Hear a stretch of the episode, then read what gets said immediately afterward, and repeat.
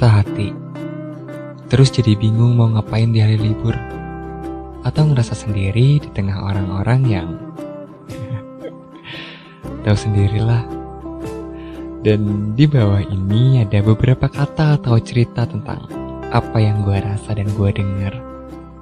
Kayak cinta yang gak sebiru langit di bulan Januari. Masa lalu yang kayak bumerang.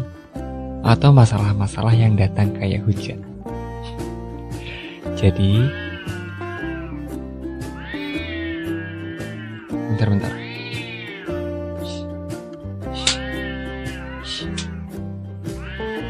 Eh, maaf sebelumnya, tapi ini ya udah lanjut dulu aja ya.